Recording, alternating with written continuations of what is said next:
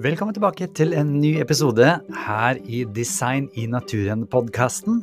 Jeg heter Chris Duve, og jeg vil bare minne deg på at du kan ta hele kurset her helt gratis med 38 forskjellige eh, informasjonsvideoer som da er lagd en podkast ut av, hvis du går inn på chrisduve.no og klikker deg inn på Design i naturen-kurset.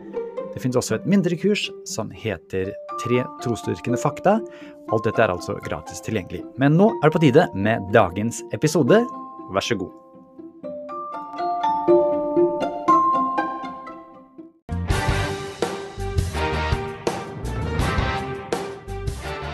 You sometimes mention this um, thing in biology where you got some other organism and it's working in some way where there's maybe three or four or five different things in the organism that need to be there, but at the same time, they're kind of producing each other.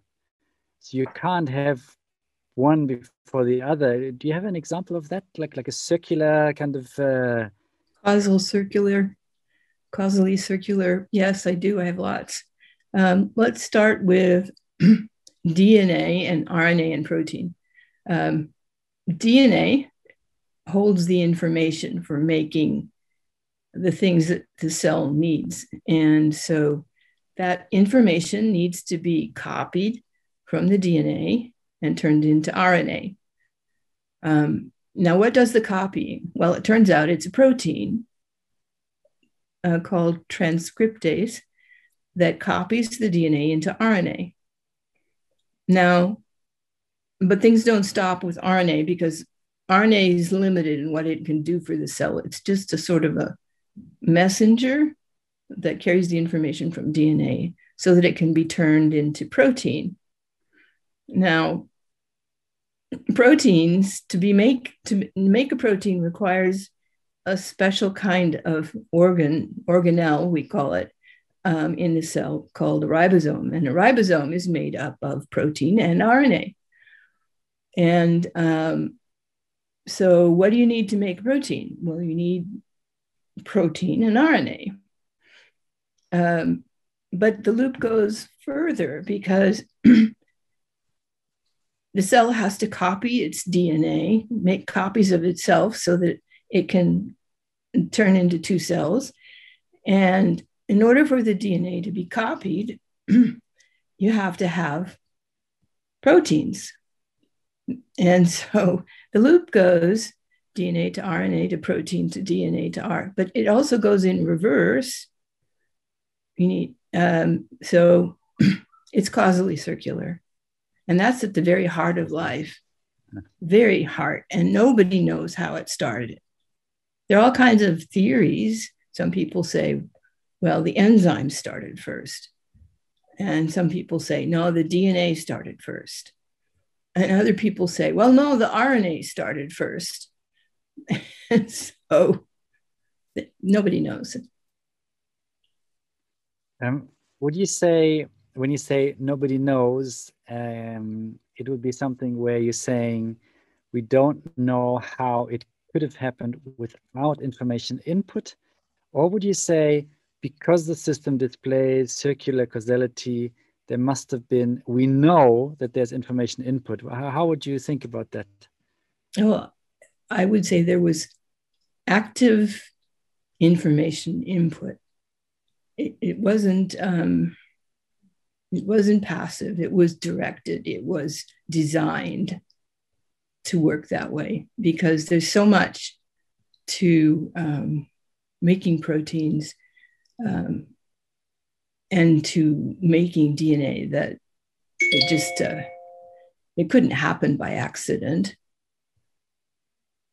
Yeah, and the fun thing is that you've actually tried to make protein, so you know a little. It's not just theory for you. That's what I like a lot about it. Mm-hmm. You know, yeah. um, one thing that we actually have quite a lot of in our school books is this um, kind of line going from uh, molecules to single cells to small organisms to bigger ones, and in the end, from primates via some pre-human things to humans. And I'm wondering, when you're looking at evolutionary biology, does it work to go from a primate to a human? Is it plausible? Um, this is a tough question and it involves a lot of stuff. Um, first of all, the DNA between primates and humans, uh, chimpanzees and humans, is fairly similar, but there's still about 5% difference. Um, yet the phenotypic uh, difference, the um, the difference between us and chimps is quite large. We have many things that we can do that chimps can't. And the first of them is language. Language is fundamental to who we are as people, and it enables us to communicate, to be social creatures, to um, think about plasma physics and write poetry. And um, no chimp has ever worried about where chimps came from. so, um, and then there are the things, uh, the things that make us different. Our biochemistry is different. Our um, the shape of our face, the muscles. We have chins and chimps don't. Um, these are seemingly trivial things, but they make us distinctive. We can throw a baseball, a chimp can't. Their shoulder doesn't work right. Um, we can run and walk long distances because of the shape of our feet and our knees and our hips. And chimps can't. They can walk short distances, but they sort of waddle. Um, their hips don't work right for standing upright for very long. Um, uh, I, did, I did a study, uh, or I read a study by uh, two scientists from Harvard. They compared the physical structure of a chimp's skeleton to a fossil human skeleton. Um, one of the first skeletons to look like a modern skeleton. And um, they compared the bones and the biomechanical motions that would be required for walking. And they identified 14 different changes that would have to take place in order for the change from chimp locomotion to human. Now that's 14 physiological and that anatomical changes. That's not saying how many molecular changes would have to take place in order for those 14 changes to happen. Um,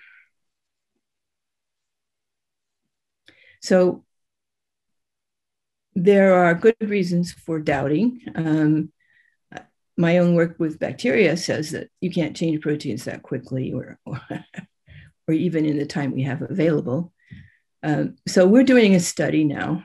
Um, it's called the waiting times problem. And what that means is we are looking at how much time it would take to evolve a particular structure in some organism. And in this case, we're studying whales, and the whales have a ball joint that connects um, their flukes, their tail flukes, to their spine, and it it rotates like you know like this. Instead of fish swim like this, whales swim like this.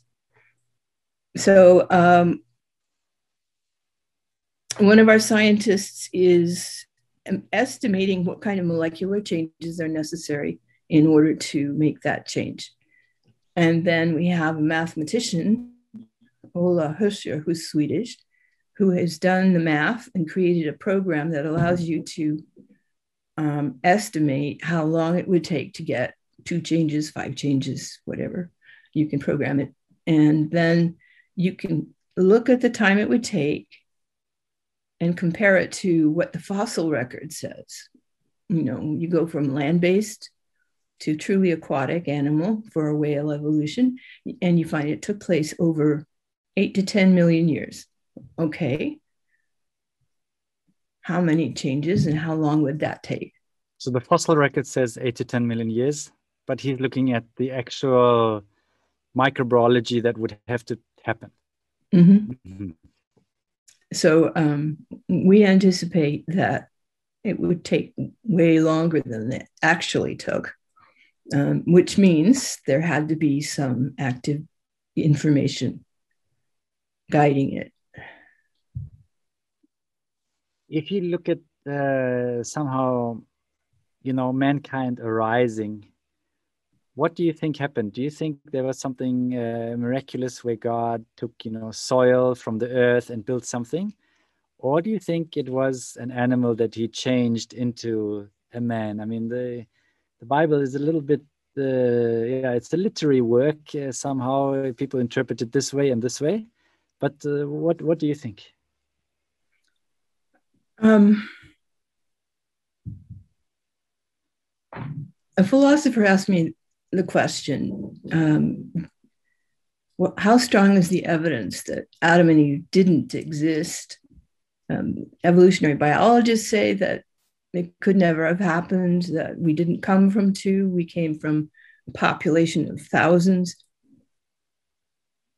how strong is that evidence? And I said, I don't know. I've never thought about it, but I'll go look. And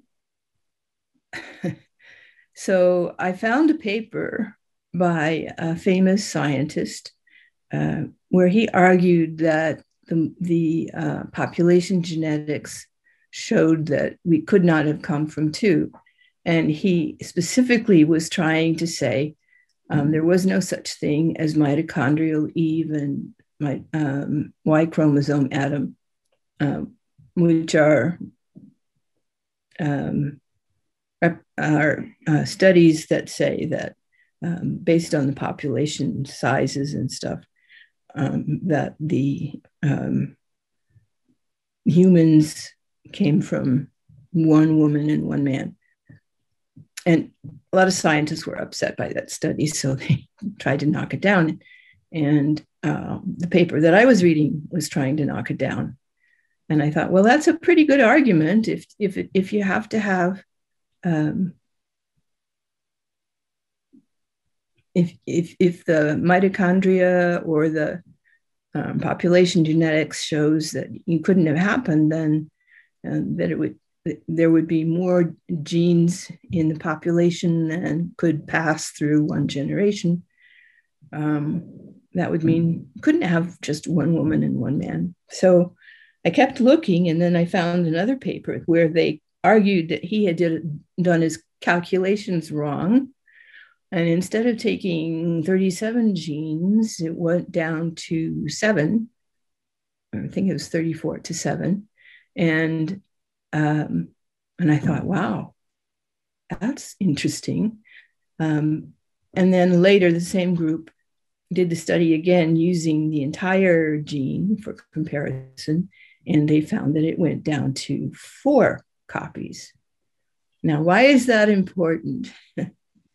well, we each have two sets of chromosomes in our bodies, uh, two copies of the same genes. Um, one copy from our dad and one copy from our mom.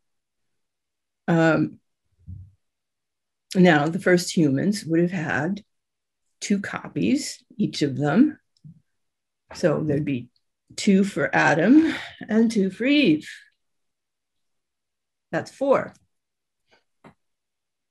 So I thought I better look into this. I want to find out. Nobody had ever directly tested whether you could go from two people to the present population and have the same um, genetic uh, variability that we have in our population now. They'd always said it would take too long. There was too much variation to have come from two. So, but nobody'd ever tested it directly. It was all indirect argument. So I thought, well, maybe we should try and do it. And Ola Hössjer um, wrote a model that allowed us to do the math. And we got someone to program it. And uh, we tested it and found that indeed um, you could come from two first parents. The difficulty is it starting with the simplest kind of model with no assumptions about migration or um, sudden calamities or things like that. Um, there was no um, uh, the the evidence said that it probably would be uh, 500,000 years that it took to get from two to the present day. So um, I personally am not troubled by that because the fossils say something similar.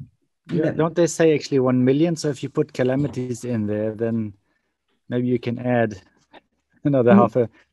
Oh, one yeah. million. One million is uh, what the our paper said.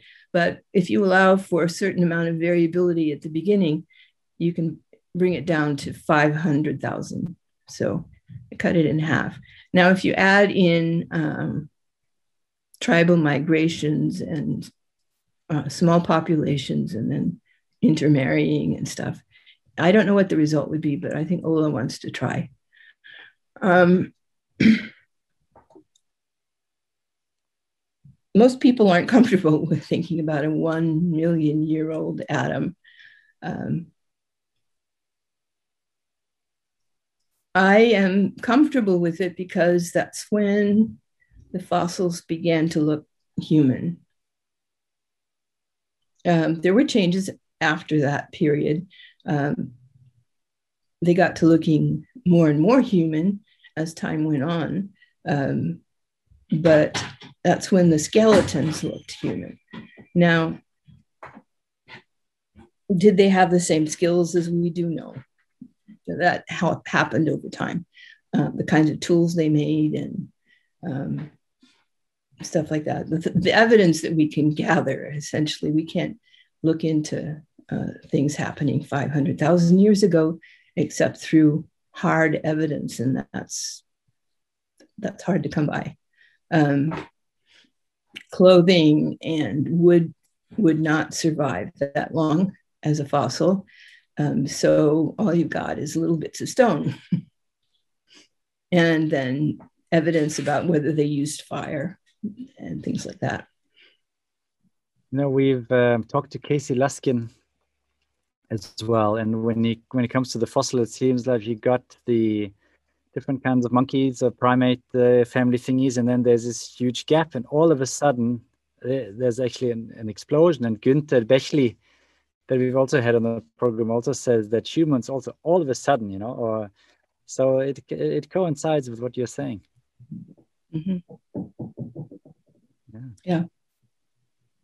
Um, but the scientists I know who've interacted with me about that paper, they're not they they'll you know the paper doesn't prove we came from two. It just says it's possible